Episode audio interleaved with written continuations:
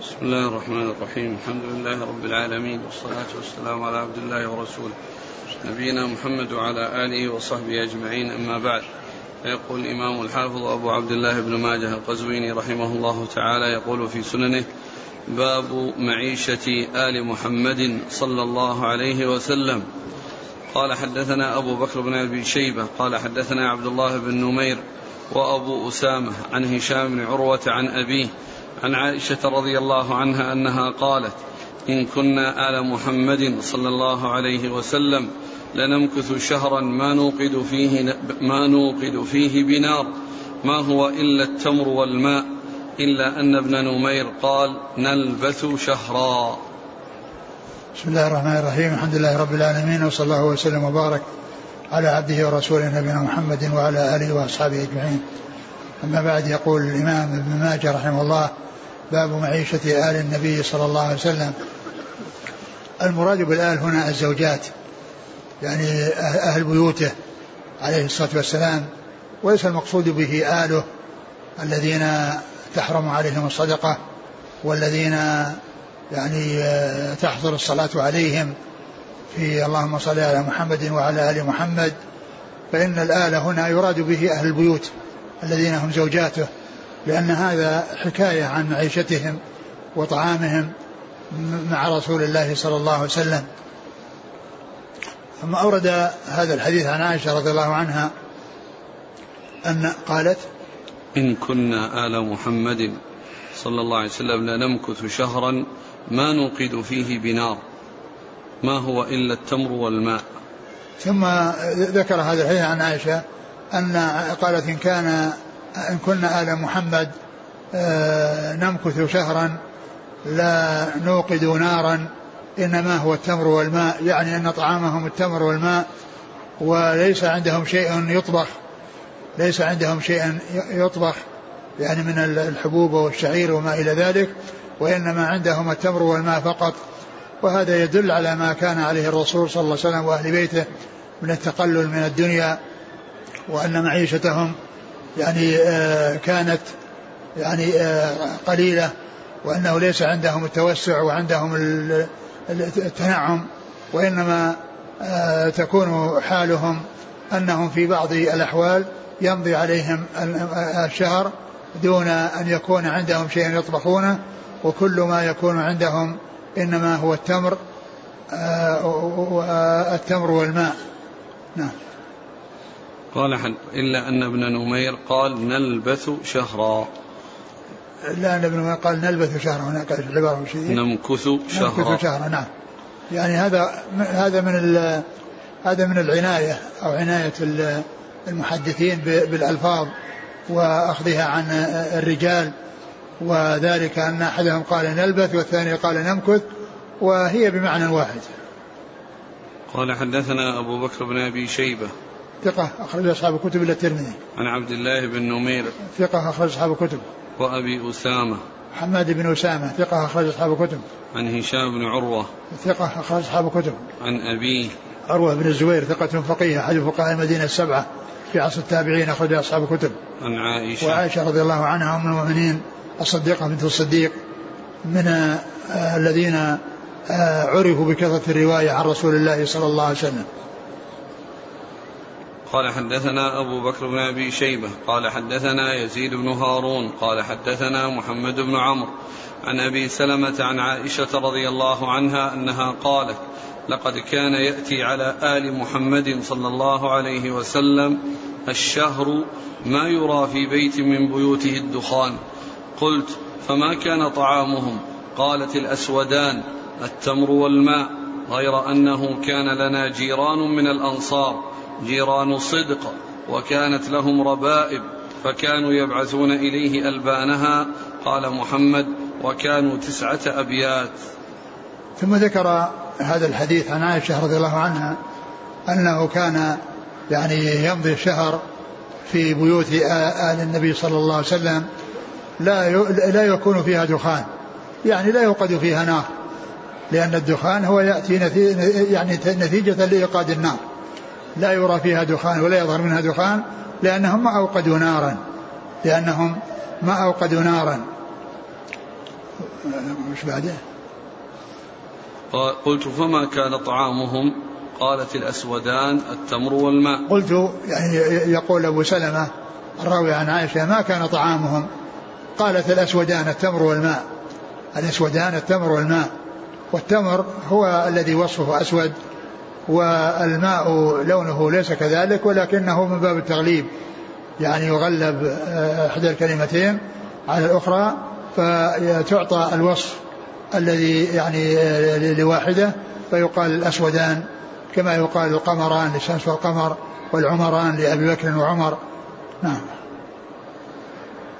غير أنه كان لنا جيران من الأنصار جيران صدق وكانت لهم ربائب فكانوا يبعثون إليه ألبانها.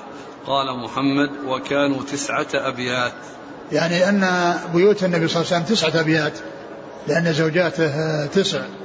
يعني بعد يعني يعني في آخر أمره يعني الذي توفي عنهن عليه الصلاة والسلام والذي كن قريبا من وفاته هن تسع.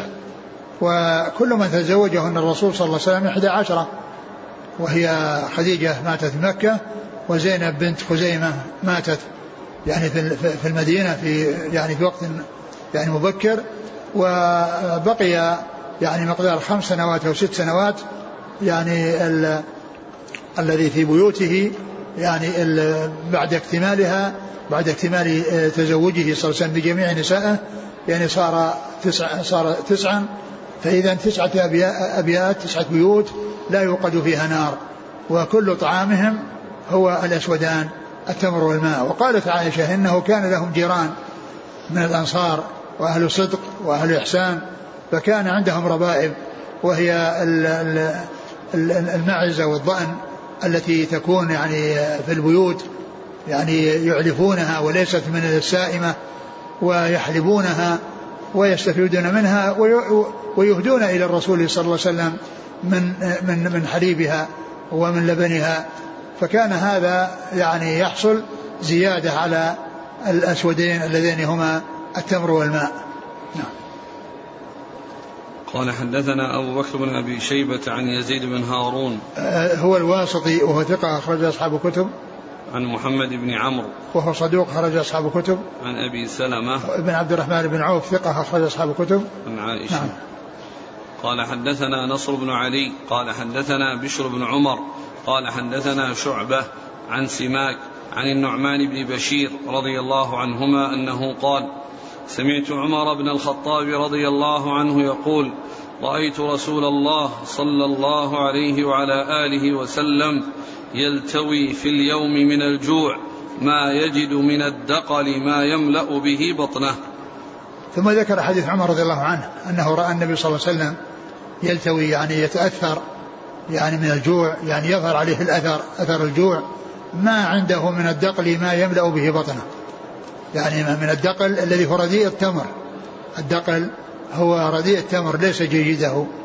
فكان يعني يحصل له الجوع.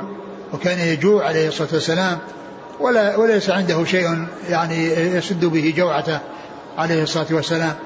وهذا يدل على ما كان عليه الرسول صلى الله عليه وسلم وأهله آه، من التقلل من الدنيا. نعم. قال حدثنا نصر بن علي. هو الجهضمي وهو ثقة أخرج أصحاب الكتب وهو شيخ لأصحاب الكتب. عن بشر بن عمر.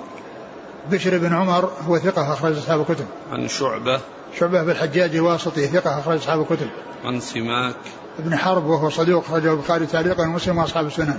عن النعمان بن بشير. رضي الله تعالى عنهما أخرجه أصحاب الكتب. عن عمر بن عن عمر بن الخطاب رضي الله عنه أمير المؤمنين وثاني الخلفاء الراشدين الهاديين المهديين صاحب المناقب الجمة والفضائل الكثيرة وحديثه عند أصحاب الكتب الستة.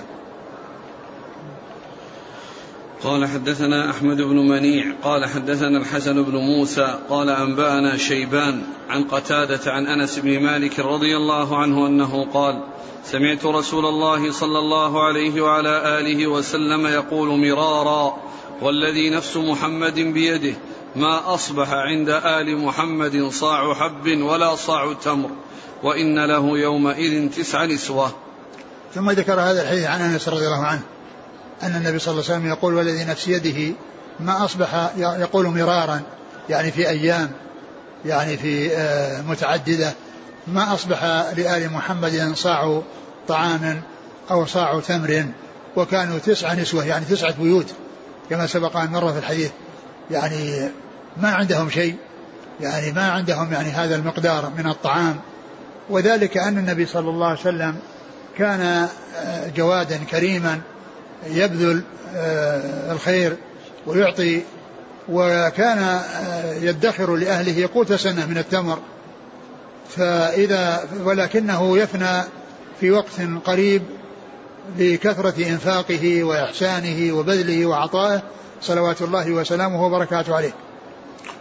فهذا يبين أنه يعني يتكرر الأيام وتأتي الأيام المتعددة ويصبح أهل بيت الرسول صلى الله عليه وسلم وهي بيوت تسعة. يعني ليس عندهم صاع من طعام ولا صاع من تمر. يعني حتى هذا المقدار لا يكون موجودا عندهم. نعم. قال حدثنا أحمد بن منيع. ثقة أخرج أصحاب الكتب. عن الحسن بن موسى الأشيب وها ثقة أخرج أصحاب الكتب. نعم. عن شيبان. وهو بن عبد الرحمن ثقة أخرج أصحاب الكتب. عن قتادة عن أنس. قتادة من دعامة السدوسي البصري ثقة أخرج أصحاب الكتب. وأنس بن مالك خادم الرسول صلى الله عليه وسلم وأحد السبعة المكثرين من حديثه. قال حدثنا محمد بن يحيى قال حدثنا أبو المغيرة قال حدثنا عبد الرحمن بن عبد الله المسعودي عن علي بن بذيمة عن أبي عبيدة عن عبد الله رضي الله عنه أنه قال قال رسول الله صلى الله عليه وعلى آله وسلم ما أصبح في آل محمد إلا مد من طعام أو ما أصبح في آل محمد مد من طعام. ثم ذكر يعني هذا الحديث عن ابن مسعود رضي الله عنه أن النبي صلى الله عليه وسلم قال ما أصبح في آل محمد آه، مد إلا مد من طعام أو قال ما أصبح ما أصبح لهم مد من طعام. ما أصبح لهم مد من طعام. يعني آه، آه، يعني هذا شك. قال إيش؟ ما أصبح ما, ما أصبح, أصبح في آل محمد إلا مد من طعام. أو ما أصبح في آل محمد مد من طعام. نعم يعني هذا شك. يعني هل قال ما أصبح لهم إلا مد؟ يعني معناه أن المد موجود. يعني معناه أن يعني ليس هناك شيء أكثر المد وإنما المد موجود. والثاني يعني أنه ما أصبح لهم مد من طعام. ما أصبح لهم مد من طعام. يعني أنه ما أصبح عندهم هذا المقدار. يعني فالفرق بين اللفظين أن الأول فيه المد حصل وأنه أصبح وأنه ما ما هناك زيادة عليه. والثاني أن المد غير موجود وهو يطابق الحديث السابق الذي فيه ما أصبح لهم صاع من طعام ولا تمر. ما أصبح لهم صاع من طعام ولا تمر. والمد يعني والصاع هو أربعة أمداد. الصاع هو أربعة يعني أمداد لأن المد هو ربع الصاع. المد ربع الصاع. فيعني هذا يفيد بأن يعني هذا الشيء يعني ما كان موجودا عندهم والثاني ما يكون موجودا عندهم إلا مد. ما يكون موجودا عندهم إلا مد. فهذا هو الفرق بين العبارتين اللتين حصل فيهما الشك. الأولى تفيد وجود المد وتنفي الزيادة والثانية تفيد عدم وجود المد حتى المد غير موجود. نعم. قال حدثنا محمد بن يحيى. هو الذهلي ثقة أخرجه مسلم البخاري وأصحاب السنن. عن أبي المغيرة. وهو؟ ثقة أخرج أصحاب الكتب. نعم. عن عبد الرحمن بن عبد الله المسعودي. وهو صدوق؟ اختلط أخرج البخاري تعليقا وأصحاب السنن. نعم. عن علي بن بذيمة. وهو؟ ثقة أخرج أصحاب السنن. نعم. عن أبي عبيدة. وهو ابن عبد الله بن مسعود وهو ثقة أخرج أصحاب الكتب. عن عبد الله. عن عبد الله رضي الله تعالى عبد الله مسعود رضي الله عنه أخرج أصحاب الكتب. وأبو عبيدة المعروف أنه لم يسمع من أبيه يعني ففيه انقطاع. لكن ما تقدم أو الذي قبله شاهد يعني له فيما يتعلق بال فيما يتعلق بوجود الطعام. يعني فيكون يعني يترجح معه جانب آه، أنه لا يوجد المد.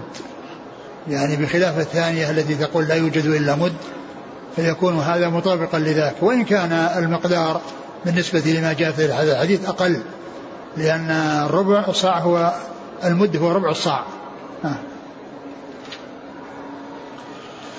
قال حدثنا نصر بن علي قال أخبرني أبي عن شعبة عن عبد الأكرم رجل من أهل الكوفة عن أبيه. عن سليمان بن صرد رضي الله عنه أنه قال أتانا رسول الله صلى الله عليه وعلى آله وسلم فمكثنا ثلاث ليال لا نقدر أو لا يقدر على طعام. ثم ذكر هذا الحديث عن سليمان بن صرد قال أتانا رسول الله صلى الله عليه وسلم فمكثنا ثلاث ليال لا نقدر أو قال لا يقدر على طعام. يعني لا نقدر على طعام يعني للجمع أو لا يقدر على طعام يعني رسول الله صلى الله عليه وسلم. وهذا يفيد ما كانوا عليه من القلة وإسناده والحديث في إسناده ضعف.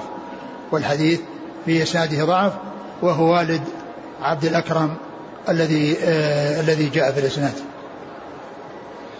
قال حدثنا نصر بن علي عن أبيه. نصر بن علي الجهضمي هو الذي يتكرر ذكره وهو شيخ لأصحاب الكتب الستة وهو يروي هنا عن أبيه. علي بن نصر بن علي علي بن نصر بن علي. لأن هذا من من من, من أكثر ما تتكرر فيه آه، آه، آه، التسمية بين اسمين. يعني هذا يعني اسمه اسم أبيه وهذا اسمه اسم أبيه وفيه أيضا لنصر هذا ابن قال له علي. هذا نصر هذا الذي هو الشيخ لأصحاب الكتب الستة له ابن اسمه علي. فيكون يعني من ناحية تكرر الأسماء علي ابن نصر ابن علي ابن نصر ابن علي. خمسة. أسماء كلها متكررة. وهذا أكثر ما رأيت من التكرر في الأسماء. خمسة. لأن الأربعة يعني موجودة. مثل خليفة بن خياط بن خليفة بن خياط. خليفة بن خياط بن خليفة بن خياط. وهذا علي وهو من الحادية عشرة. وهو قد روى له مسلم وغيره ويروي عن أبيه الذي هو شيخ لأصحاب الكتب الستة ثم يروي علي نصر عن أبيه هذا الذي معنا الذي هو علي بن نصر ثم علي بن يعني ثم علي بن نصر هو أبوه نصر ونصر أبوه علي فتكون هذه أسماء متكررة في بين اسمين علي بن نصر بن علي بن نصر بن علي. نعم. عن شعبة عن عبد الأكرم عبد الأكرم هو؟ شيخ مقبول أخرج له ابن ماجه. نعم. عن أبيه وهو؟ مجهول أخرج له ابن ماجه. نعم. عن سليمان بن صرد. رضي الله عنه أخرج له. أصحاب الكتب. نعم يعني هذا فيه فيه عبد الأكرم الذي هو المقبول والذي يعتبر حديث إذا توبع وفيه أبوه أيضا مجهول فالحديث ضعيف. نعم. قال حدثنا سويد بن سعيد قال حدثنا علي بن مسهر عن الأعمش عن أبي صالح عن أبي هريرة رضي الله عنه أنه قال أتي رسول الله صلى الله عليه وسلم يوما بطعام سخن فأكل فلما فرغ قال الحمد لله ما دخل بطني طعام سخن منذ كذا وكذا. ثم ذكر هذا الحديث عن أبي هريرة. عن أبي هريرة رضي الله عنه أن النبي صلى الله عليه وسلم أكل طعاما سخنا يعني أنه قد طبخ مطبوخ يعني مما أوقد عليه بالنار. فقال مضى علي كذا لم آكل طعاما سخنا. مضى علي طعام لم آكل يعني سخنا يعني أنه لم يأكل طعاما مطبوخا. وهذا الحديث آه، ضعف بسويد بن علي آه، آه، سويد بن سعيد. وهو صدوق وقد تكرر ذكره في الأحاديث. ويعني هنا ضعف ضعف الشيخ ناصر وغيره بسويد. ابن سعيد لكن يعني من ناحية المتن هو متفق مع الأحاديث التي مرت وهي كثيرة في أنه يأتي آه، شار لا يوقد في بيته نار وأنما طعامهم الأسودان التمر والماء. فهذا يعني آه، يعني لفظه موافق أو معناه موافق لتلك الأحاديث. وسويد بن سعيد كثيرا ما يأتي يعني آه، ذكره في الأحاديث ويحسن حديثه أو يكون يعني الحديث يعني حسن وهو فيه كلام ولكنه من حيث المعنى ليس فيه إشكال بل هو موافق لما مر من الأحاديث أن أنه كان يمضي الوقت الشهر لا يطبخ في بيوت آل النبي صلى الله عليه وسلم آه، لا, لا يوقد فيه نار. هنا قال يعني لم يأكل يعني طعاما سخنا يعني ما وقد في بيوته نار. نعم. قال حدثنا سويد بن سعيد صدوق أخرج له. مسلم بن ماجه نعم. عن علي بن مسهر ثقة أخرج أصحاب الكتب. عن الأعمش سليمان مهران ثقة أخرج أصحاب الكتب. عن أبي صالح ذكوان السمان ثقة أخرج أصحاب الكتب. عن أبي هريرة. رضي الله عنه أكثر الصحابة حديثا. قال رحمه الله تعالى باب ضجاع آل محمد صلى الله عليه وسلم. قال حدثنا عبد الله بن سعيد قال حدثنا عبد الله بن نمير وأبو خالد عن هشام بن عروة عن أبيه عن عائشة رضي الله عنها أنها قالت كان ضجاع رسول الله صلى الله عليه وسلم أدما حشوه ليف. ثم ذكر باب ضجاع النبي صلى الله عليه وسلم. يعني ضجاع آلي. نعم. آل النبي صلى الله عليه وسلم. أي الضجاع هو الذي يضطجع عليه. الفراش. أي الفراش الذي يضطجع عليه ضجاع يعني ما يضطجع عليه. ثم ذكر هذا الحديث عن عن عائشة. نعم. قالت كان, كان ضجاع رسول الله صلى الله عليه وسلم أدما حشوه ليف. كان ضجاع النبي صلى الله عليه وسلم أي الفراش الذي يضطجع عليه أدما يعني جلد حشوه ليف من ليف النخل. يعني ال ال ال الذي يباشر جسده هو ال هذا الجلد الفراش من الجلد الذي هو الأدم وقد حشي بالليف يعني بليف النخل. فهذا هو الذي كان يضطجع عليه الرسول صلى الله عليه وسلم كما تبين ذلك أم المؤمنين عائشة رضي الله عنها وأرضاها. نعم. قال حدثنا عبد الله بن سعيد. هو الأشج وهو ثقة أخرج أصحاب الكتب وهو شيخ لأصحاب الكتب. عن عبد الله بن نمير نعم ثقة. أخرج أصحاب الكتب. وأبي خالد. أبو خالد الأحمر صدوق. أخرج أصحاب الكتب. عن هشام بن عروة. نعم. عن أبيه عن عائشة. نعم. قال حدثنا واصل بن عبد الأعلى قال حدثنا محمد بن فضيل عن عطاء بن السائب عن أبيه عن علي رضي الله عنه أن رسول الله صلى الله عليه وسلم أتى عليا وفاطمة رضي الله عنهما وهما في خميل لهما. والخميل القطيفة البيضاء من الصوف. قد كان رسول الله صلى الله عليه وسلم جهزهما بها ووسادة محشوة إذخرا وقربة. إذخرا و قربة. نعم. ثم ذكر يعني آه هذا الحديث عن علي رضي الله عنه أن النبي صلى الله عليه وسلم جاء إليهما وهما على على على فراش من على قطيفة بيضاء. وهما في خميل. وهما في خميل. والخميل القطيفة وهما في خميل والخميل القطيفة البيضاء.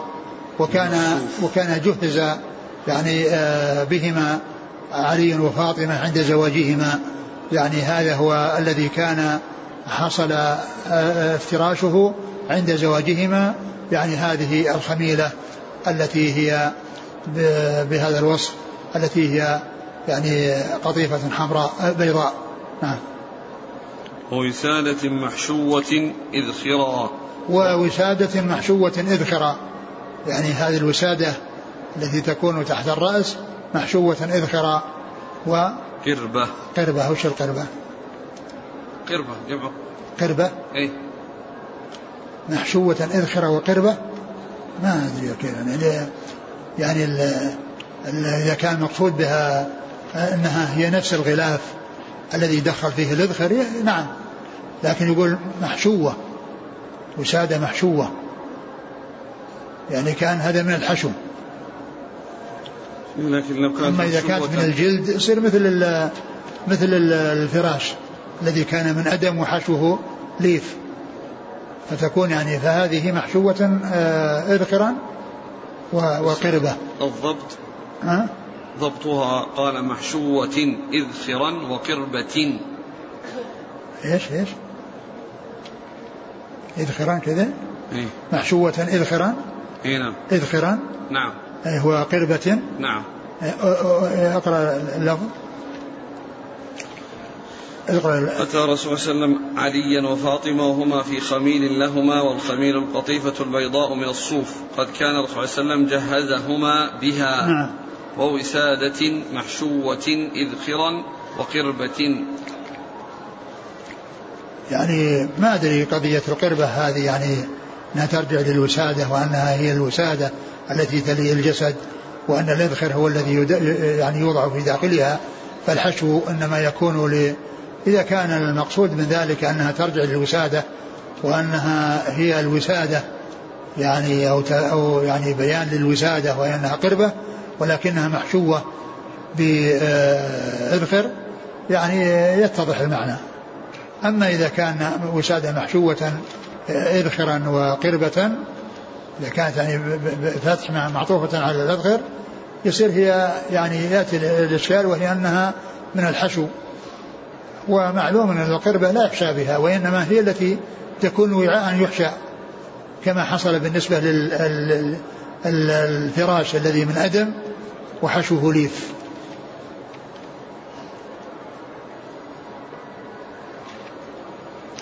يعني الحديث يذكر ال- الأشياء التي جهزها جهزهما بها.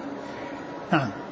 فجهزهما بخميل وهذه الوسادة. ووسادة نعم. وقربة. وقربة؟ أي آه.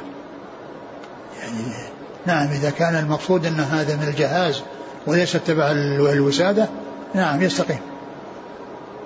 أقول واضح. يعني جهزهم بفراش وبوسادة وبقربة التي هي يعني يجعل فيها الماء هذا مستقيم. قال حدثنا واصل بن عبد الأعلى. هو؟ ثقة أخرجه مسلم وأصحاب السنن. نعم. عن محمد بن فضيل صدوق أخرج أصحاب الكتب. عن عطاء بن السائب. وهو آه، صدوق ثقة اختلط نعم. أخرجه البخاري وأصحاب السنن. وهنا يروي عنه محمد بن فضيل وليس من الذين سمعوا منه قبل الاختلاط لكنه قد توبع. نعم. عن أبيه. وهو؟ ثقة أخرجه البخاري المفرد وأصحاب السنن. نعم. عن علي. رضي الله عنه أمير المؤمنين ورابع الخلفاء الراشدين. الهادي المهديين صاحب المناقب الجمة والفضائل الكثيرة وحديثه عند أصحاب الكتب الستة. قال حدثنا محمد بن بشار قال حدثنا عمر بن يونس قال حدثنا عكرمة بن عمار قال حدثني سماك الحنفي أبو زميل قال حدثني عبد الله بن العباس رضي الله عنهما قال حدثني عمر بن الخطاب رضي الله عنه قال دخلت على رسول الله صلى الله عليه وسلم وهو على حصير. قال فجلست فإذا عليه إزار وليس عليه غيره وإذا الحصير قد أثر في جنبه وإذا أنا بقبضة من شعير نحو الصاع وقرض في ناحية في الغرفة وإذا إهاب معلق فابتدرت عيناي. فقال ما يبكيك يا ابن الخطاب؟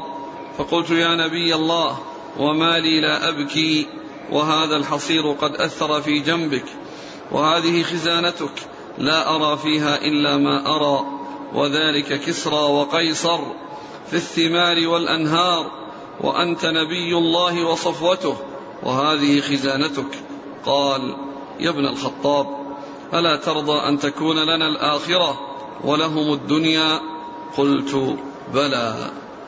ثم ذكر هذا الحديث عن عمر بن الخطاب رضي الله عنه أنه دخل على النبي صلى الله عليه وسلم وقد اضطجع على حصير يعني وهو الذي يتخذ من خوص النخل وعليه ازار يعني غطى يعني نصفه الأسفل وبقي وليس معه رداء يعني يقي أعلى جسده وقد نام على الحصير وظهر آثار الحصير في جنبه. لأن النتوء الذي يكون في الحصير يعني آه، عندما يمكث عليه الجسد مدة يعني ينطبع فيه ويكون يعني آه، آه، أثر الحصير يعني داخل في الجسد لطول المدة التي جلس أو اضطجع عليها عليه صلى الله عليه وسلم. ليس عليه عليه إلا إزار وليس على يعني على جسده شيء وقد باشر الحصير جسده صلى الله عليه وسلم فظهرت آثاره عليه عليه الصلاة والسلام. ثم نظر في البيت وإذا ما فيه إلا أشياء يسيرة فيعني بكى. فقال ما يبكيك قال ما لي لا أبكي وأنت قد أثر الحصير في جنبك وهذه خزانتك وكسرى يعني يتمتعون عندهم الأنهار وعندهم ال ال ال يعني المتع الدنيوية. وأنت رسول الله صلى الله عليه وسلم. فقال يا عمر أما ترضى أن تكون لهم الآخر لهم الدنيا ولنا الآخرة؟ يعني أنهم تعجلوا طيباتهم في الحياة الدنيا و وتمتعوا بها. وقد مر في الحديث أن الدنيا سجن المؤمن وجنة الكافر. أن الدنيا سجن المؤمن وجنة الكافر. فهذه النعم التي يتنعمون بها هي نصيبهم من النعيم. وليس عندهم نعيم بعدها. وإذا فارقوا الحياة الدنيا لم يجدوا إلا العذاب. من حين يدخلون القبور إلى أن يمو إلى غير نهاية. لأنهم يعذبون في النار إلى إلى غير نهاية. في قبورهم وبعد قبورهم. كما جاء عن آل فرعون النار يعرضون عليها غدوا وعشيا يعني في قبورهم. ويوم تقوم الساعة يعني البعث والنشور أدخلوا آل فرعون أشد العذاب. ينتقلون من عذاب شديد إلى عذاب أشد. وقد سبق أن مر بنا أن النبي صلى الله عليه وسلم يعني نهى عن الأكل في أنية الذهب والفضة وقال هي لهم في الدنيا ولنا في الآخرة. يعني هي لهم يعني الواقع أنهم يتمتعون بها في الدنيا ونحن نتمتع بها في الدار الآخرة. فأجاب رسول الله صلى الله عليه وسلم عمر بهذا الجواب الذي هو أن أن الأمر كما قال عليه الصلاة والسلام في الحديث الآخر الدنيا سجن المؤمن وجنة الكافر. نعم. قال حدثنا محمد بن بشار.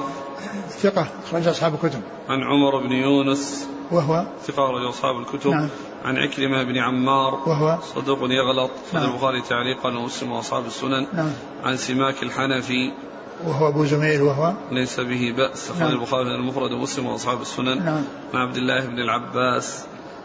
رضي الله عنه أخرج أحد العباد الأربعة وأحد السبع المكثرين من حديث الرسول صلى الله عليه وسلم. عن عمر بن الخطاب. نعم. قال حدثنا محمد بن طريف وإسحاق بن إبراهيم بن حبيب. قال حدثنا محمد بن فضيل عن مجالد عن عامر عن الحارث عن علي رضي الله عنه أنه قال أهديت ابنة رسول الله صلى الله عليه وسلم إلي فما كان فراشنا ليلة أهديت إلا مسك كبش. ثم ذكر هذا الحديث عن علي رضي الله عنه أن أن أن آه، أن ابنة رسول الله صلى الله عليه وسلم يعني أهديت إليه يعني أدخلت عليه وزفت إليه في ليلة الزواج وفراش وفراشهم مسك مسك كبش, كبش يعني جلد كبش وفراشهم جلد كبش وهذا الحديث في إسناده الحارث وفي إسناده مجالد وهما ضعيفان وهو أيضا مخالف للحديث الأول الذي فيه الحديث الصحيح الذي فيه أن أن أنه لما جهزهم آه، جهزوا بخميلة ويعني آه، وهو ساده وقربة. نعم. قال حدثنا محمد بن طريف. هو؟ صدوق رواه مسلم وداود الترمذي وابن ماجه. نعم. وإسحاق بن إبراهيم بن حبيب. وهو ثقة أخرجه أبو داود في المراسيل والترمذي والنسائي بن ماجه. إسحاق بن إبراهيم بن حبيب يعني هذا يعني آه، ذكره في شغل ماجه. وممن هو مشهور بإسحاق بن إبراهيم آه، آه، بن راهوية. إسحاق بن إبراهيم بن راهوية الذي وصف بأنه أمير المؤمنين في الحديث. وهو ممن وصف بهذا الوصف. ولم يخرج له ابن ماجه لأن إبراهيم إسحاق بن إبراهيم الراهوية أخرج أصحاب الكتب الستة إلا ابن ماجه فإنه لم يخرج له شيئا. نعم.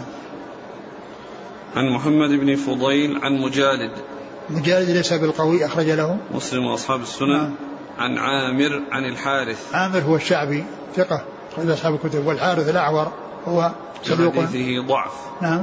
في حديثه نعم. ضعف. نعم. غير أصحاب السنن. نعم. عن علي. رضي الله عنه. نعم. قال رحمه الله تعالى باب معيشة أصحاب النبي صلى الله عليه وسلم.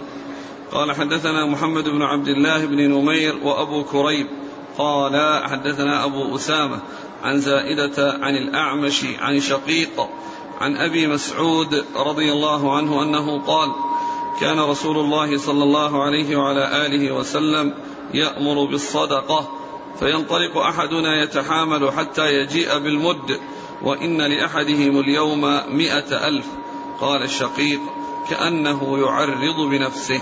أعد المتن. عن أبي مسعود رضي الله عنه قال كان رسول الله صلى الله عليه وسلم يأمر بالصدقة فينطلق أحدنا يتحامل حتى يجيء بالمد وإن لأحدهم اليوم مائه ألف. قال الشقيق كأنه يعرض بنفسه. ثم ذكر آه، معيشة آل النبي صلى الله عليه وسلم. معيشة معيشة أصحابي معيشة أصحاب معيشة أصحاب الرسول صلى الله عليه وسلم. معيشة أصحاب الرسول صلى الله عليه وسلم يعني عيشهم وطعامهم وقوتهم وأنهم يعني آه، يعني كثير منهم أهل قلة. فأورد حديث أبي مسعود رضي الله عنه أن النبي صلى الله عليه وسلم كان يأمر بالصدقة يعني يطلب الناس أن يتصدقوا. فلا يجد الواحد منهم ما يتصدق به فيذهب يتحامل يعني يتكلف يعني يؤجر نفسه بأن يحمل شيئا بالأجرة ثم يأتي بشيء يتصدق به آه، تنفيذا لما أمر به الرسول صلى الله عليه وسلم. كان واحد منهم يذهب يتحامل يعني يعني يتكلف أو يكلف نفسه بأن يحمل شيئا بالأجرة فيشتري به شيئا يأتي به يتصدق به آه، تنفيذا لما أرشد إليه الرسول الكريم صلى الله عليه وسلم. ثم قال وإن أحدنا وإن, أحد وإن أحدهم؟ وإن, وإن لأحدهم اليوم مئة ألف. وإن لأحدهم اليوم مئة ألف. وإن لأحدهم اليوم يعني تغيرت الحال من تلك القلة التي كانت في زمن الرسول صلى الله عليه وسلم إلى ما حصل من كثرة المال بسبب الفتوح وكثرة الغنائم ويعني حصول الدنيا من من من من, من جهات مختلفة. قال شقيق كأنه يعرض بنفسه يعني كأنه يشير إلى نفسه وأن عنده مئة ألف. يقصد أنه يعني يعرض بنفسه يعني يخبر عن حاله. وهذه من الطرق التي كانوا يستعملونها يعني عندما يريد أن يعني يخبر عن نفسه يعني يقول مثل هذا اللفظ أحدهم. أو يقول رجل أو حصل رجل وهو يعني نفسه وهو يعني نفسه مثل ما جاء في قصة اللديغ الذي رقاه أبو سعيد وأخذوا يعني سيد القوم الذي لدغ ورقاه وأخذوا قطيعا من الغنم يعني في مقابل الرقية فإنه جاء في فرقاه رجل فرقاه رجل يعني وكلمة رجل يقصد بها هو فهو يكني عن نفسه برجل ولا يعين نفسه ويقول فعلت كذا وكذا. وقد جاء في بعض الحديث إنه هو الذي فعل. فهنا قال يعرض بنفسه لأنه ما قال يعني آه أنا وإنما قال أحدهم يعني أحد أصحاب الرسول صلى الله عليه وسلم فكأنه يعرض بنفسه يعني يشير إلى أنه هو الذي فعل ذلك. نعم. هو, هو الذي حصل له ذلك يعني من الغنى وكثرة المال. نعم. قال حدثنا محمد بن عبد الله بن نمير نعم. وأبو كريب. محمد بن العلاء بن كريب ثقة أخرج أصحاب الكتب. عن أبي أسامة. محمد بن أسامة ثقة أخرج أصحاب الكتب. عن زائدة. ابن قدامة ثقة أخرج أصحاب الكتب. عن الأعمش عن شقيق. شقيق هو أبو سلمة شقيق شقيق بن سلمة أبو وائل. أبو وائل شقيق بن سلمة هو ثقة مخضرم أخرج له أصحاب الكتب. عن أبي مسعود هو هو آه، أبو مسعود عقبة بن عمرو الأنصاري البدري رضي الله عنه أخرج أصحاب الكتب. قال حدثنا أبو بكر بن أبي شيبة قال حدثنا وكيع عن أبي نعامة أنه سمعه من خالد بن عمير قال خطبنا عتبة بن غزوان رضي الله عنه على المنبر فقال لقد رأيتني سابع سبعة مع رسول الله صلى الله عليه وسلم ما لنا طعام نأكله إلا ورق الشجر حتى قرحت أشداقنا. ثم ذكر هذا الحديث عن عتبة بن غزوان رضي الله عنه أنه قال رأيتني سابع سبعة مع رسول الله صلى الله عليه وسلم نأكل ما لنا طعام إلا ورق الشجر. يعني الأخضر من ورق الشجر يعني يأكلونه قال حتى قرحت أشداقنا. الأشداق هي الجوانب الفم الخدين. من جوانب الفم هذه الأشداق يعني حتى قرحت يعني لأنهم ما يأكلون شيئا يغذيهم وتصلح به أجسادهم وإنما يأكلون هذا الطعام الذي آه، هو الورق ورق الشجر حتى تأثرت أجسادهم بسبب ذلك وحتى قرحت أشداقهم يعني ما يكون من جانبي الفم وهما الخدان قال حدثنا أبو بكر بن أبي شيبة عن وكيع وكيع بن الجراح ثقة أخرج أصحاب الكتب. عن أبي نعامة وهو صدوق اختلط أخرجه مسلم وداود في القدر والترمذي في الشمائل وابن ماجه. نعم. عن خالد بن عمير وهو مقبول خرجه مسلم والترمذي في الشمائل نعم. والنسائي بن ماجه. نعم. عن عتبة بن غزوان رضي الله عنه أخرج له. مسلم والترمذي والنسائي وابن ماجه. نعم. قال حدثنا أبو بكر بن أبي شيبة قال حدثنا غندر عن شعبة عن عباس الجريري. قال سمعت أبا عثمان يحدث عن أبي هريرة رضي الله عنه أنهم أصابهم جوع وهم سبعة. قال فأعطاني النبي صلى الله عليه وسلم سبع تمرات لكل إنسان تمرة. ثم ذكر هذا الحديث عن عن أبي هريرة أنهم كانوا مع النبي صلى الله عليه وسلم فيعني فأعطاه سبع تمرات لكل واحد تمرة يعني من هؤلاء السبعة. وقد جاء في صحيح البخاري أن لكل واحد سبع تمرات أن لكل واحد سبع تمرات يعني. فهذا يعني يعني ذاك الذي في صحيح البخاري هو المعتبر وأن الذي أعطيه كل واحد منهم سبع تمرات وجاء فيه أن واحدة منهما حشفة. التي أعطيت له وأنها سبع ثمرات أعطيت له وكان فيها واحدة حشفة فكانت يعني مكث مدة وهو يعني وهي في فمه لصلابتها ولعدم ليونتها كالتمر الذي ينتهي بسرعة. نعم. قال حدثنا أبو بكر بن أبي شيبة عن غندر. غندر هو محمد بن جعفر ثقة أخرج أصحاب الكتب. عن شعبة عن عباس الجريري. وهو ثقة أخرج له. أصحاب الكتب. نعم. عن أبي عثمان. وهو النهدي ثقة أخرج له أصحاب الكتب. عن أبي هريرة. نعم. قال حدثنا محمد بن يحيى بن أبي عمر العدني. قال حدثنا سفيان بن عيينة. عن محمد بن عمرو عن يحيى بن عبد الرحمن بن حاطب. عن عبد الله بن الزبير بن العوام رضي الله عنهما عن أبيه. رضي الله عنه أنه قال لما نزلت ثم لتسألن يومئذ عن النعيم قال الزبير وأي نعيم نسأل عنه؟ وإنما هو الأسودان التمر والماء. قال أما إنه سيكون. ثم ذكر هذا الحديث عن الزبير رضي الله عنه لما نزلت ثم لا تسألون يومئذ عن النعيم. قال وأي نعيم نسأل عنه؟ وإنما هو الأسودان. فقال أما إن ذلك سيكون؟ يعني أن كل شيء يحصل للإنسان من النعم ولو كان يسيرا فهو نعمة من الله عز وجل. وكلها تقتضي تقتضي من الإنسان أن يشكر الله عز وجل عليها.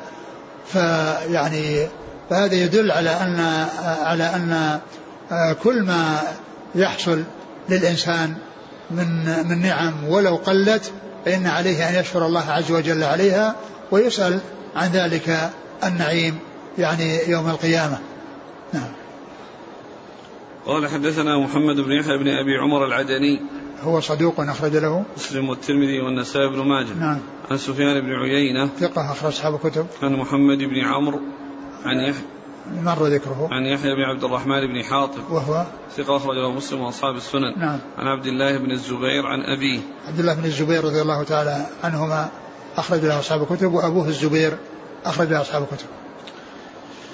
قال حدثنا عثمان بن أبي شيبة قال حدثنا عبدة بن سليمان عن هشام بن عروة عن وهب بن كيسان عن جابر بن عبد الله رضي الله عنهما أنه قال بعثنا رسول الله صلى الله عليه وسلم ونحن ثلاثمائة نحمل أزوادنا على رقابنا ففني أزوادنا حتى كان يكون للرجل منا تمرة.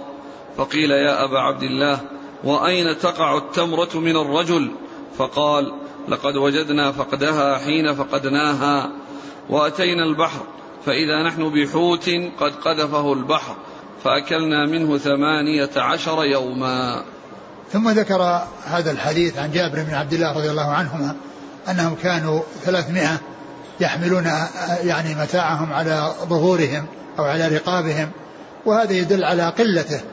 يعني قلة متاعهم وأنه ليس معهم شيء ما دام أن كل واحد يعني يحصل له تمرة وقوته تمرة ويعني وغذاؤه تمرة واحدة فإنه يعني محمولهم يعني خفيف ليس معهم شيء يحملونه لأنه ما عندهم شيء يعني شيء قليل. فقال وكيف تصنع بكم هذه التمرة يا أبا عبد الله؟ كنية جابر رضي الله عنه. قال وجدنا فقدها وجدناها لم ترى لما فقدناها عرفوا قيمتها لما فقدوها.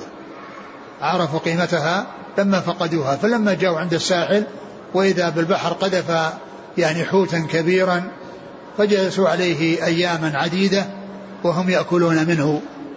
والحديث يعني آه يعني في كان في آه، كبيرهم أبو عبيدة رضي الله عنه وقصة العنبر يعني مشهورة الذي سمى العنبر هذا الحوت الذي كان مات ويعني جلسوا مدة في بعض الروايات أنها شهر أنهم يأكلون منه حتى يعني يعني استفادوا وأخذوا مع ذلك منهم معهم إلى إلى المدينة. والرسول صلى الله عليه وسلم قال يعني يعني إذا كان معهم شيء فإنه يأخذه ويعطوه منه. دل هذا على ما كان عليه أصحاب الرسول صلى الله عليه وسلم من قلة قلة الطعام وقلة المآكل وأن الله عز وجل رزق هؤلاء هذا الرزق العظيم الذي ساقه إليهم من حيث لا يحتسبون وهو هذه هذه الدابة الكبيرة من دواب البحر التي جلسوا مدة وهم يأكلون منها. نعم. قال حدثنا عثمان بن أبي شيبة ثقة أخرج أصحاب الكتب إلا الترمذي وإلا النسائي ف ففي عمل اليوم والليل نعم. عن عبده بن سليمان. ثقة أخرج أصحاب الكتب. عن هشام بن عروة عن وهب بن كيسان. هو ثقة أخرج أصحاب الكتب. عن جابر بن عبد الله. رضي الله تعالى عنهما هو أحد السبعة المكثرين من حديث الرسول صلى الله عليه وسلم. انتهى الباب. نعم. والله تعالى أعلم وصلى الله وسلم وبارك على عبده ورسوله نبينا محمد وعلى آله وأصحابه أجمعين. جزاكم الله خيرا وبارك الله فيكم ألهمكم الله الصواب ووفقكم للحق. نفعنا الله ما سمعنا غفر الله لنا ولكم وللمسلمين أجمعين. حديث آه، أبي عثمان النهدي عن أبي هريرة. أصابهم جوع وهم سبعة فأعطاني صلى الله عليه وسلم سبع تمرات لكل إنسان تمرة. نعم. الشيخ يقول شاذ. نعم هو يصير شاذ لأن يعني آه، ثقة إذا خالف من هو أوثق منه يكون شاذ. المحفوظ. ها؟ قال والمحفوظ. سبع تمرات وقع فين هذا؟ ها؟ المحفوظ. في البخاري. في صحيح البخاري. قال قسم النبي صلى الله عليه وسلم يوما بين أصحابه تمرا فأعطى كل إنسان سبع تمرات فأعطاني سبع تمرات إحداهن حشفة. نعم. هذا في البخاري. وفي البخاري أيضا قال خمس تمرات من طريق عاصم الأحول عن أبي عثمان به. آه.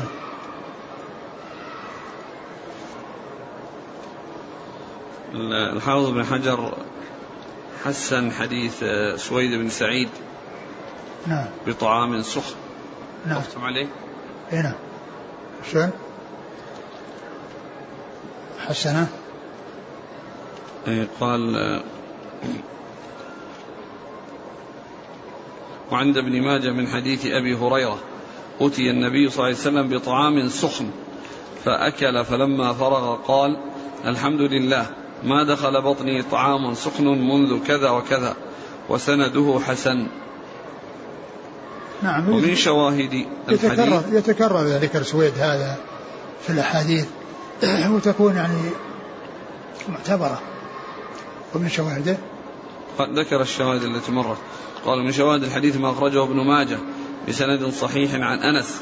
سمعت رسول الله صلى الله عليه وسلم يقول مرارا والذي نفس محمد بيده ما أصبح عند آل محمد صاع حب ولا صاع تمر.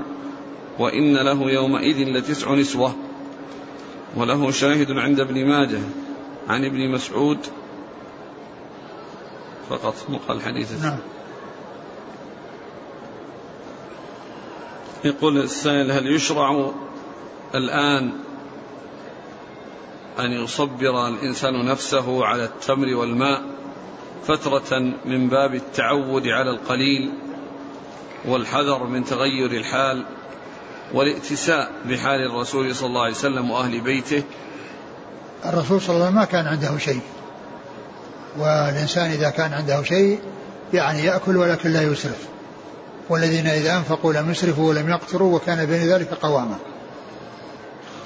يقول هل من مقاصد ابن ماجه من هذه الترجمة معيشة أصحاب النبي صلى الله عليه وسلم أنهم لم يوصلوا لنا هذا الدين حتى صبروا وتعبوا وجاهدوا أنفسهم حق الجهاد وبعد ذلك فتحت عليهم الدنيا.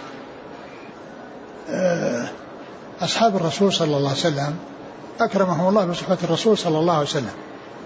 وهذا الذي حصل لهم في زمنه صلى الله عليه وسلم لأن كله حكاية عن ما جرى لهم معه. وبعد ذلك فتح الله لهم الدنيا.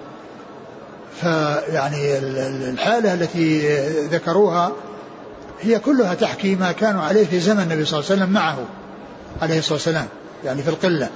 والكثرة جاءتهم بعد ما جاءت الغنائم. ولا شك أن أن أن آه، أصحاب الرسول صلى الله عليه وسلم يعني قاموا بحفظ هذا الدين بنقل هذا الدين وبالجهاد في سبيل الله.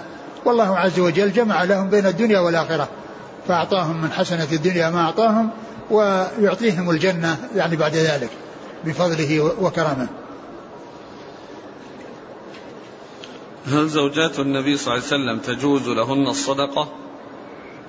لا زوجات الرسول صلى الله عليه وسلم من, من, من يعني من أهل البيت الذين لا تحل لهم الصدقة. لا تحل الصدقة لزوجاته كما تحل لأهل بيته من النسب. و وأمهات المؤمنين داخلات في آله عليه الصلاة والسلام الذين لا تحل لهم آه، صدقة.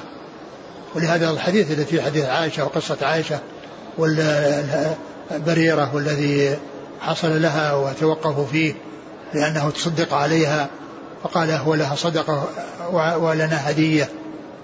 يعني لأن الفقير إذا ملك شيئا عن طريق الصدقة ثم أعطاها لمن؟ لغني أو لما تحل الصدقة حلت. لأنها وصلت إليه وهي ليست صدقة وصلت إليه وهي مال. فهذا الحديث حديث عائشة وكذلك أيضا في حديث تفيد بأن عائشة رضي الله عنها أخبرت بأنها لا تحل لهم الصدقة. ولذكرتها في في فضل أهل البيت ودخول زوجات الرسول صلى الله عليه وسلم في أهل بيته وأنها لا تحل لهن الصدقة. وهذا الحديث الذي هو قصة يعني هو لها صدقة ولنا هدية يعني من أدلة ذلك. يقول هل ماريا القبطية زوجة أم أمة له؟ لا أمة وليست زوجة. يقول ومتى أسلمت؟ لا أدري. ما التوفيق بين ما جاء يلتوي من الجوع وقول صلى الله عليه وسلم إني أبيت عند ربي يطعمني ويسقيني. ما في تنافي لأنه كان يواصل ويعطيه الله عز وجل من القوة ما يتمكن به من المواصلة. وأما كون هذا يعني يعني يظهر عليه يظهر عليه الجوع. وهذا قد حصل لأبي بكر وعمر فإن كل واحد منهما خرج من بيته وأخرجه الجوع. ثم ذهبوا إلى أحد الصحابة وذبح لهم عناق وقدم لهم قنو من التمر وأكلوا من التمر ومن الرطب وأكلوا من اللحم. ثم قال إنكم خرجتم من بيوتكم ما أخرجكم من الجوع وقد حصل لكم ما حصل لتسألن عن هذا النعيم يوم القيامة. قوله صلى الله عليه وسلم ما أصبح عند آل محمد صاع حب ولا صاع تمر. هل فيه دلالة على أو على على جواز ذكر حالك في البيت عند الناس؟ ما ينبغي للإنسان يعني إلا إذا كان أنها يعني يسأل يعني يريد أن يسأل أما كونه يتحدث عند الناس لماذا الحديث عند الناس؟ الناس يعني لا يفهمون من الحديث إلا أنه يعني يريد شيئا. وأما الرسول صلى الله عليه وسلم فهو يخبر عن حاله وقلته. وأنه ما يعني ما عندهم شيء يخبر عن حاله وما حصل له. فأما غيره يعني من, من هو فقير ويقول يعني كذا بس مجرد إخبار يعني إذا كان يعني للسؤال ما في بأس. نعم يمكن أن الإنسان إذا قاله لأهله يصبرهم على ما حصل لهم من القلة والضيق والشدة ويذكر لهم ما حصل للرسول صلى الله عليه وسلم وأهل بيته إذا كان هذا لأهله هذا مستقيم. وكذلك لو قاله الإنسان عن ماضيه يعني شيء مضى له في, في, في, في الزمان أنه كان يأتي عليهم وقت يسوون كذا وكذا هذا لا بأس أما كون الإنسان يعني يتحدث بهذا يعني الناس يفهمون أنه يسأل. يقول هل التقلل من الدنيا ويقصد ذلك أن يتشبه برسول الله صلى الله عليه وسلم من قبيل الابتداع لأن النبي صلى الله عليه وسلم ما كان عنده شيء ولم يتقصد ذلك.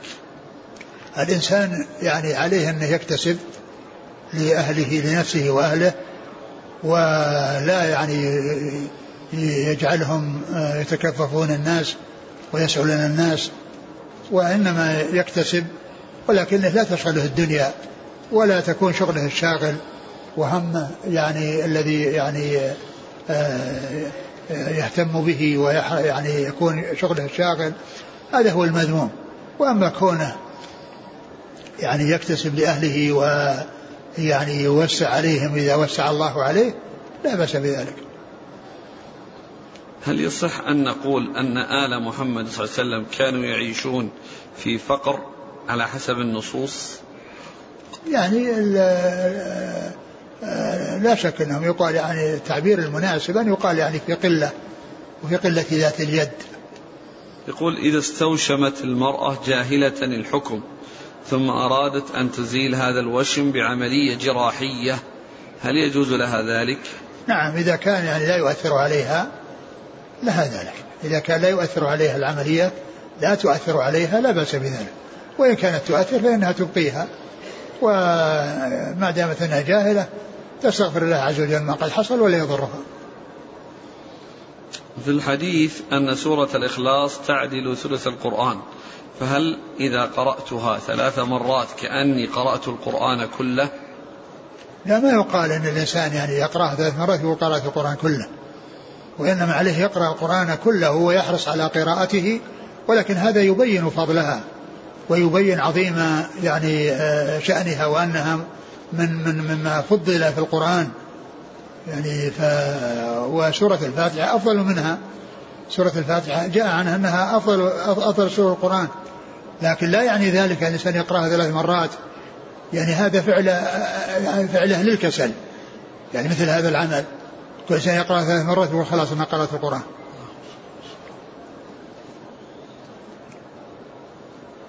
يقول ما حكم الرغوة التي يضعها الحلاق بعد الانتهاء من العمرة لتليين الشعر. وش هي؟ الرغوة. ال؟ رغوة الصابون أيوة يحطها أيوة. الحلاق. نعم نعم. يقول هل هذا تعتبر محظور من محظورات الإحرام لأن فيها رائحة عطرية؟ يعني ال ال يعني قبل يعني ما يحلق ما يعني يستعمل فيه لكن كونه يعني يستعمل الماء أو شيء ليس فيه رائحة. يعني لأن ليس كل يعني شيء فيه رائحة يقال إنه طيب. يعني إذا كان إنه يعني ما فيها رائحة الطيب والذي يقال هذا طيب والناس يعرفون إنه طيب لا يستعمل. لأنه يعني ما تم الحلق يقول عندي مكتبة وأبيع فيها مصاحف بالتجزئة فهل هذه التجارة جائزة؟ وكذلك أبيع بالجملة. يعني بيع المصاحف جائز لا بأس به. يعني بيع المصاحف كل الناس يبيعون المصاحف ويشترونها. ويحصلون عليها بالثمن لا بأس بذلك لأنهم ما يشترون القرآن. يعني يعني القرآن يعني كلام الله عز وجل يعني يعني هذا ال ال ال ال الورق والمداد وكذا يعني الذي فيه القرآن هو الذي يشترى. لا يقال أن شرع كلام الله عز وجل وأن أن هذه لكلام الله وإنما هو لهذه الأشياء التي هي لها قيمة ولها وهي أشياء مالية. يعني ك يعني المداد والورق لأن كلام لأن المصحف فيه كلام الله وغير كلام الله. المصحف فيه كلام الله ولهذا لا يقسم به لأن المصحف ليس هو كلام الله وحده فقط بل فيه كلام الله الذي هو المكتوب فيه وفيه المداد الذي كتب فيه وهذا مخلوق المداد مخلوق والورق مخلوق والغلاف مخلوق ف ولهذا لا يحلف به فلا يحلف بالمصحف. يحلف بالقرآن اللي هو كلام الله ولكن لا يحلف بالمصحف لأن المصحف مشتمل على مخلوق وغير مخلوق. ف فشراء بيع المصاحف ويعني شراؤها على اعتبار أن أنها يعني شيء يعني يستفيد الناس به هذا لا بأس به. لأنه ما ما يتيسر لو بذلت بدون مقابل هذا طيب. لكن ما ما يعني الناس لا يصلون إليها إلا بالمجان يصل إليها بالمجان وبالقيمة.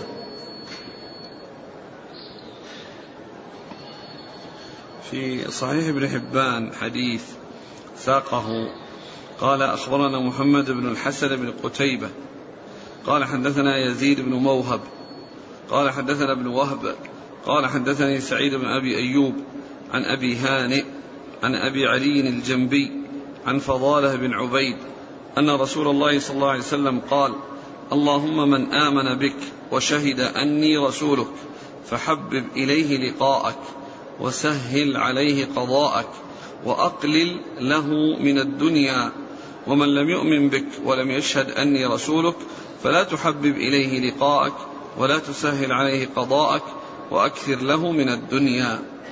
هذا مر بنا مر بنا بمعنى. ذكرتم أنه ضعيف وأن يخالف يعني ان النبي صلى الله عليه وسلم دعا لأنس بأن يكثر الله ماله وولده. نعم. هنا قال وأقلل له من الدنيا. فلا يكون شاهد الحديث الأول اللي مر معنا. هذا إسناد كما سمعتم. إيش الإسناد؟ محمد بن الحسن بن قتيبة الشيخ. نعم. عن يزيد بن موهب. نعم. وهو يزيد بن خالد بن يزيد بن عبد الله بن موهب ثقة. نعم. آه عن ابن وهب. نعم. عن سعيد بن أبي أيوب عن ثقة مصري نعم. عن أبي هانئ. حميد بن هانئ. نعم. لا بأس به. عن نعم. أبي علي الجنبي. هذا وش قال فيه؟ عمرو بن مالك الهمداني الجنبي. نعم. يقول انه من رجال الصحيح ثقة من رجال الصحيح. ثقة؟ حسب كلام المعلق شعيب الأرناؤوط نعم. عن فضالة بن عبيد. نعم اقرأ.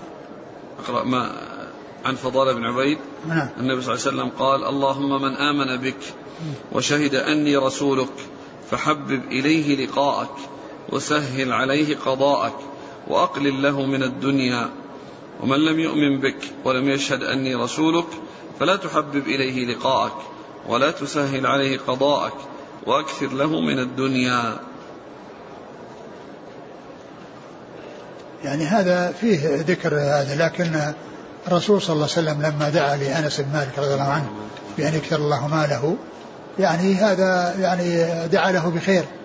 والإنسان يقول في دعائه ربنا آتنا في الدنيا حسنة وفي الآخرة حسنة وقنا عذاب النار. وحسنة الدنيا تكون يعني في أمور كثيرة منها الزوجة الصالحة والولد الصالح ومنها المال الذي يعني يستغني به عن عن غيره ولا يحتاج فيه إلى إلى إلى الناس. ف يعني ف يعني الحديث يعني إسناده يعني فيما يبدو صحيح. وفيه يعني هذا هذا المعنى. وهو مخالف لما جاء في في يعني حديث أو قصة أنس بن مالك رضي الله عنه وأرضاه. فيعني يكون يعني تقليل المال التقليل الذي يعني لا يلحق به ضرر أو يحصل به كونه يعني يحتاج إلى الناس أو ما إلى ذلك. ومثل هذا يعني كما هو معلوم محمود الإنسان إذا حصل له يعني شيء يعني يغنيه وشيء لا يحتاج به إلى غيره وإن حصل له شيء كثير فهو مثل ما حصل لبعض الصحابة الذين تكون كثرة مالهم زيادة في حسناتهم وزيادة في أجورهم والذي كان فقراء المهاجرين أحب أن يكونوا مثل مثل مثل أولئك. فيكون يعني إذا يعني اعتبار أنه صحيح يعني يفسر بالشيء الذي يعني لا تكون قلة يترتب عليها مضرة. نعم. والشاهد الحديث اللي عند ابن ماجه. نعم. اللي هو الذي مضى. وش وش إسناد ذاك؟ حديث قال حدثنا هشام بن عمار عن صدقة بن خالد عن يزيد بن أبي مريم عن أبي عبيد الله مسلم بن مشكم عن عمرو بن غيلان هذا المرسل أيوه. المرسل. نعم. نعم إيش قال؟ قال صلى الله عليه وسلم اللهم من آمن بي وصدقني وعلم أن ما جئت به الحق من عندك فأقلل ماله وولده وحبب إليه لقاءك وعجل له القضاء. وهذا أيضا إشكال في أقل ماله وولده. كلمة ولده هذه أيضا يعني الرسول صلى الله عليه وسلم يكاثر يعني يحث على الزواج وعلى كثرة الولد وأنه يكاثر يعني بأمته الأمم يوم القيامة. آه. فهذا أيضا يعني فيه يعني فيه الإشكال نعم فأكثر ماله ولده أقل ماله ولده وحبب إليه لقاءك نعم. وأجل له القضاء ومن لم يؤمن بي ولم يصدقني ولم يعلم أن ما جئت به الحق من عندك فأكثر ماله وولده